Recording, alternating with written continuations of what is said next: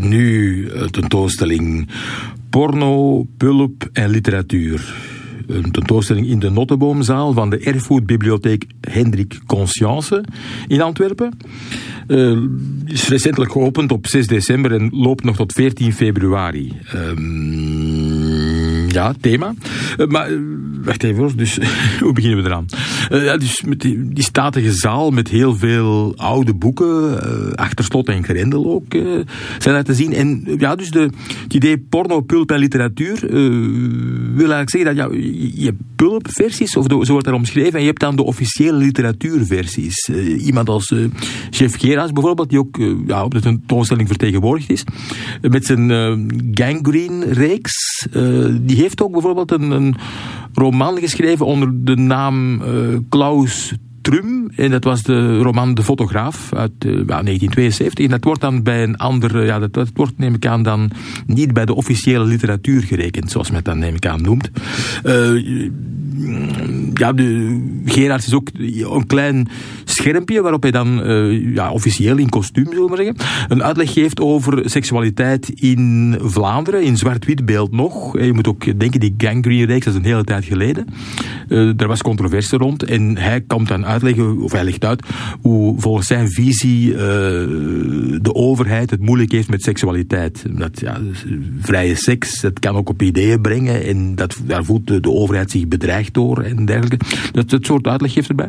En die, die Klaus Trum nog even, dat is um, uitgegeven door een Antwerpse uitgever die ook wel met het genre geassocieerd wordt. Walter Soethout, uh, die naast ook vertalingen van uh, Marquise de Sade, die te zien zijn op de de toestelling zelf zaak heeft geschreven, met allerlei pseudoniemen, maar ook veel uitgaven heeft gerealiseerd die onder de uh, seksliteratuur vallen, neem ik aan, om niet porno of pulp en literatuur, we dat seks... die termen zullen we wat jongleren. Maar bon, um, veel boeken te zien. Um, Louis-Paul Boon ook vertegenwoordigd. Mieke Maaijes op zijn jeugd. En Eens op een avond. Er is ook een boek dat er niet is van Louis-Paul Boon. En dan, achteraf heb ik dan vernomen dat de periode 1955 tot 1975 is genomen, wat ik eigenlijk, ja, dat is dan neem ik aan een, een, de reden, of een reden, om uh, de meest controversiële roman van Louis Paul Boon, dat is zijn laatste roman, Eros en de Eenzame Man, uit 1979, ja, net voor zijn dood. Uh, ongetwijfeld het meest controversiële boek uh, in Vlaanderen, met het element seksualiteit in, kunnen we zeggen. dat is het dus niet. en zeg ja, dat is 79 en we, we gaan tot 75. bon. Dus de tentoonstelling is toegankelijk tot, voor volwassenen, alleen en dat is, um, ik heb even toch geïnformeerd, omdat ik in de media ergens zag 18 plus. Maar dat is het zeker niet. Het is um, op de site staat uh, toegelaten, uh, niet toegelaten onder de 16 jaar. Er zijn nuances op te brengen. In die zin dat uh, bijvoorbeeld ouders met, met iets jongere kinderen, die al te jong nemen kan, maar dat die wel bieden mogen. En dat ook een klasbezoek, heb ik, heb mezelf even geïnformeerd bij de bibliotheek. In de zin dat een, een klasbezoek ook te regelen valt. Want ik weet niet wanneer, vanaf wanneer begint seksuele opvoeding op school. Uh, nu, ik, heb daar geen idee van. In, mijn tijd was dat. Ja, ik mij dat de karikatuur van seksuele opvoeding die daar werd gegeven, dat was de lerares eh, biologie, die dan een soort eh, wetenschappelijk beeld van een mannelijk geslachtsdeel en een vrouwelijk geslachtsdeel uh, liet zien. En, dan zegt, ja, en de rest weten jullie wel, hou u nu zinvol bezig. En dan ging ze naar het lokaaltje waar ze bekend stond, om, en daar werden dan verhalen over verteld dat ze daar wel wat alcohol nuttigde. Dat er ook geflirt werd met ja, de lerares biologie, met dan een leraar scheikunde en daar mocht je dan over beginnen fantaseren, neem ik aan. Hè, want hou je zinvol bezig met te fantaseren over wat er in die aanpalende ruimte daar gaat gebeuren. Dus, maar dat was dus eigenlijk uh, ja, weinig of niets. En dat was op een ateneum. Hè, dus niet wat ja, je, dan een katholieke school, ik weet hoe het daar aan toe ging. Uh, maar natuurlijk die periode 1955-1975 is sterk met een sterke katholieke partij hier in Vlaanderen geassocieerd.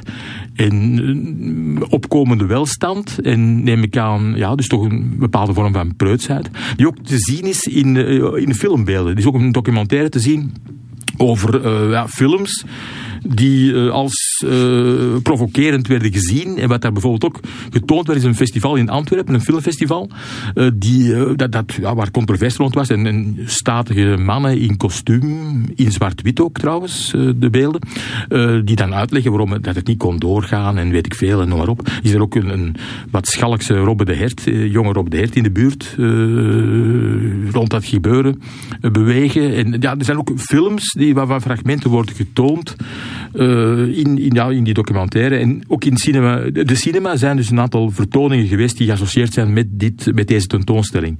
En ja, bijvoorbeeld Van Guy Nijs, de vader van een voormalig uh, radiocentraal medewerker, die de film Pandore heeft gemaakt in 1968 met onder meer Riek van Steenbergen, de wielrenner, wereldkampioen, die ook in financiële problemen zat, uh, was mij verteld. En dat hij daarom meedeed. Maar ja, boch, hij kon ook meespelen in een film op dat moment. Dat was op zich uitzonderlijk.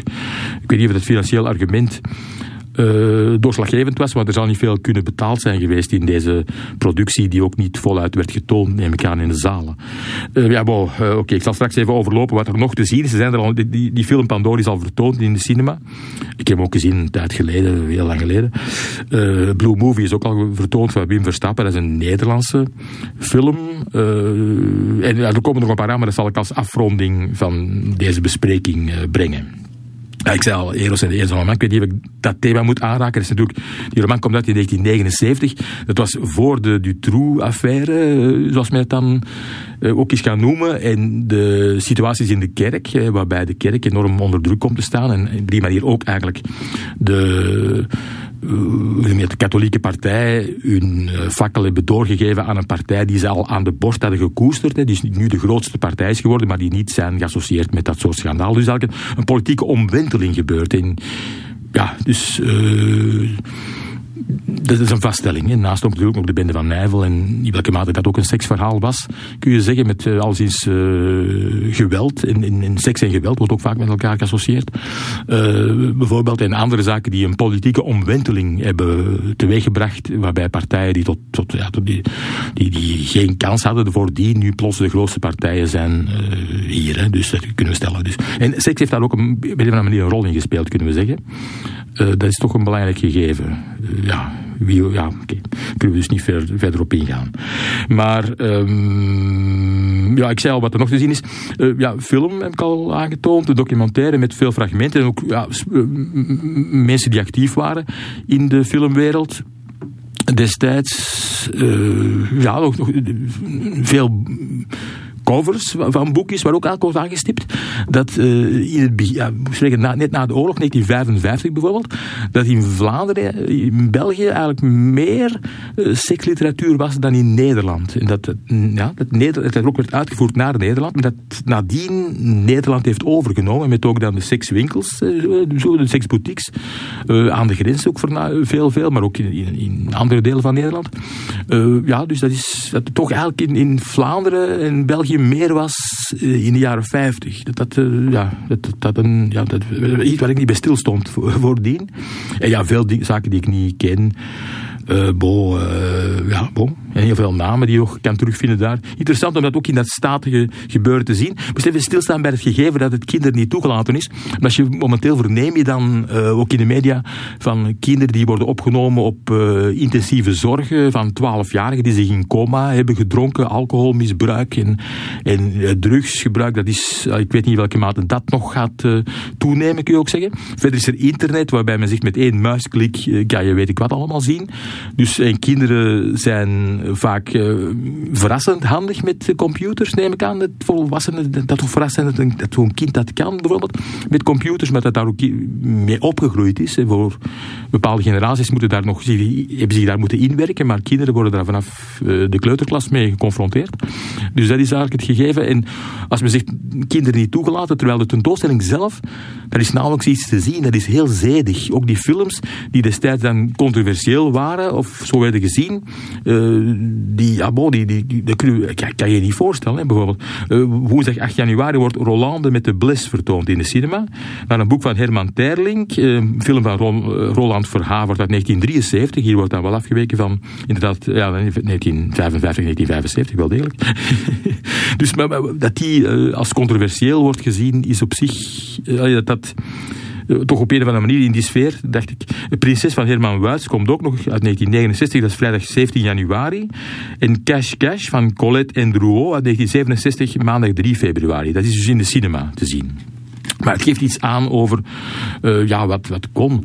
Nu, ik heb, Jeff Geras heb ik wel destijds uh, veel gelezen. Ik heb daar nog een, ja, een vorm van eindwerk over gemaakt. Uh, over zijn werk. en ja, die, die gangrene-reeks onmiskenbaar. Ik weet niet of, of... Ik weet zelfs niet waar nu eigenlijk... Ja, ik ben maar een neger, geloof ik. Dat daar eigenlijk geen specifieke seksscènes in zitten. Maar toch, hij werd daarmee geassocieerd al sinds. Natuurlijk ook Louis Paul Boon, zeker de Mieke Maaikes op zijn jeugd, was natuurlijk al tijdens zijn leven een... Uh, bekend gegeven.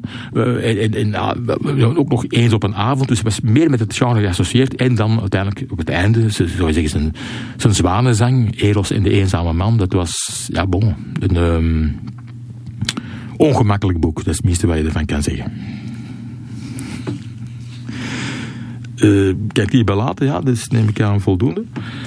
Uh, u kan de website raadplegen, ook voor details over hoe je er binnenkomt. Het is dus geen specifiek gratis toegankelijke tentoonstelling. Wel, de, eh, gratis, de laatste woensdag van de maand is gratis toegankelijk. Dat betekent volgende woensdag, 26 december. En ik weet niet of er met kerstmis, nee, het is op 24 en 31... Uh, wordt er gesloten, maar 26 kan u er nog wel. Wacht even.